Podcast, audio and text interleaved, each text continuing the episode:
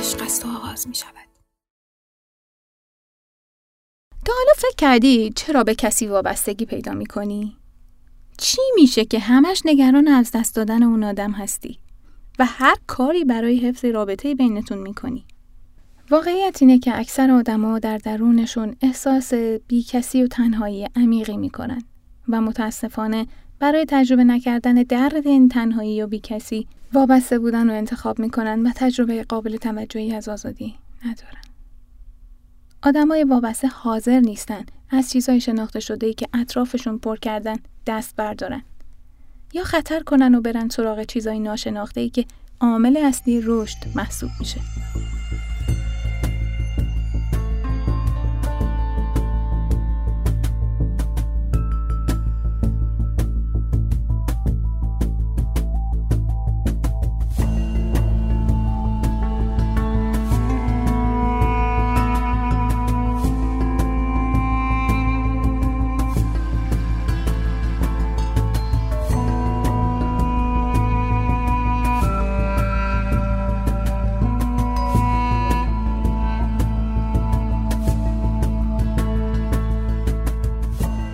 سلام من مرزی باقرزاده هستم مربی روابط عاطفی و مهارت های زندگی پادکست دومی که از مجموعه پادکست های خودری در حال شنیدنش هستی در مورد وابستگی در روابط عاطفی هست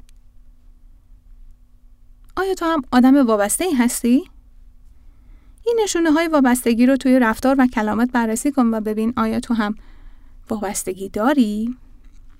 یا رو شریک عاطفیت رو دائما و با روش های مختلف مثلا چک کردن آخرین باری که آنلاین شده یا اینکه الان با کی و کجاست یا داره چی کار می‌کنه چک می‌کنی. هر جا میری هر قدمی که برمیداری و هر کاری که می‌کنی رو اطلاع میدی و برای تصمیم های کوچک و بزرگت مشورت می‌خوای و اصرار داری یک کسی باشه تا تاییدت کنه. یا حتی جدیتر از اینا فکر می‌کنی اگر این رابطه تموم بشه دیگه هیچی نیستی. و همه چیز رو از دست میدی.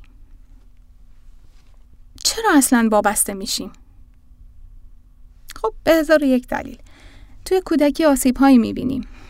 رفتار والدین یا افراد تاثیرگذار زندگیمون باعث شده تا احساس بیارزشی عمیقی در درون ما شکل بگیره و فکر می‌کنیم که از پس مسائل بر نمیایم و حتما باید توی تصمیم هامون یکی باشه که تاییدمون کنه. احساس ناامنی و تنهایی دائمی داریم و برای فرار از درد استراب که گاهی طاقت فرسا میشه ترجیح میدیم که با آدمهایی که شاید مناسب ما نباشن ارتباط برقرار کنیم و با اینکه کم کم متوجه میشیم که طرف مقابل مناسب ما نیست اما به اشکال مختلف روی مشکلمون سرپوش می‌ذاریم و سعی می‌کنیم خودمون رو با قصه های زندگی سرگرم کنیم تا بتونیم تحمل کنیم. من قصد ندارم کل مسئله وابستگی رو زیر سوال ببرم. چون بدون شک گاهی ضرورت پیدا می‌کنه. صحبت در مورد وابستگی برای ایجاد آرامش در درون هست. آرامشی که اگر درکش کنی هرگز رهاش نمی کنی. اگر وابسته بودن خودت رو زیر سوال ببری چی میشه؟ البته ما هیچ وقت این کارو نمی کنیم. اما اگر از خودت بپرسی من چرا فکر می کنم خودم به تنهایی نمی‌تونم احساس امنیت و آرامش واقعی رو تجربه کنم چه اتفاقی میافته؟ شاید اگر آگاهانه به اعماق درونت بری متوجه بشی که مسئله اصلا وابستگی نیست. این وابستگی فقط راهیه برای اینکه با واقعیت عمیقتری که باعث رنج تو هست مواجه نشی. ما به ارتباط با دیگران یا عقاید و الگوهای ذهنیمون وابسته هستیم. اما چرا؟ همونطور که گفتم فکر نمی کنم مسئله خود وابستگی باشه. اگه بتونیم درست درونمون رو حلاجی کنیم متوجه موضوع عمیقتری میشیم. به نظر می‌رسه ذهن از این فکر و احساس که بیکس و تنها و رها شده است متنفره. چون بقاش رو در خطر می‌بینه و می‌خواد جون ما رو نجات بده. برای همین شروع می‌کنه به ساختن الگوها، رفتارها و خلاص هر چیزی که به نوعی کمک می‌کنه که از خطر مرگ نجات پیدا کنه. سوال اینجاست آیا تو الگوها و رفتارهایی که ذهنت برای دفاع از خودش ساخته رو می‌شناسی؟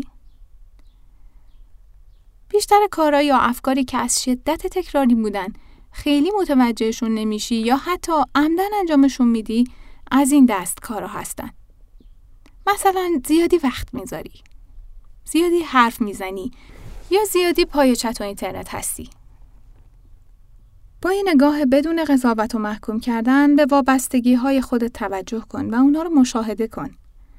اگر همت کنی و مدتی توجهت رو بیاری روی رفتارهایی که نشان دهنده وابستگی هستن و کم و بیش به اونها آگاه بشی، کم کم ذهن خودآگاهت نسبت به اونها واکنش نشون میده و بهت یادآوری می‌کنه که این رفتار یا فکری که داری می‌کنی وابستگی ایجاد می‌کنه. وقتی این اتفاق میفته که نشانه ها رو بررسی و درک کنی. مدتی که این تمرین رو انجام بدی به آگاهی بسیار عمیقی نسبت به خودت می‌رسی و در واقع متوجه میشی که کلی تغییر مثبت کردی. و از همه مهمتر از وابستگی زیادی که قبلا داشتی دست کشیدی و آدم قوی تری شدی. درسی رو که امروز به دستت رسید رو چند بار دیگه گوش کن تا بهتر درکش کنی و می‌تونی ادامه پادکست رو هفته آینده از سایت خودیاری دانلود کنی.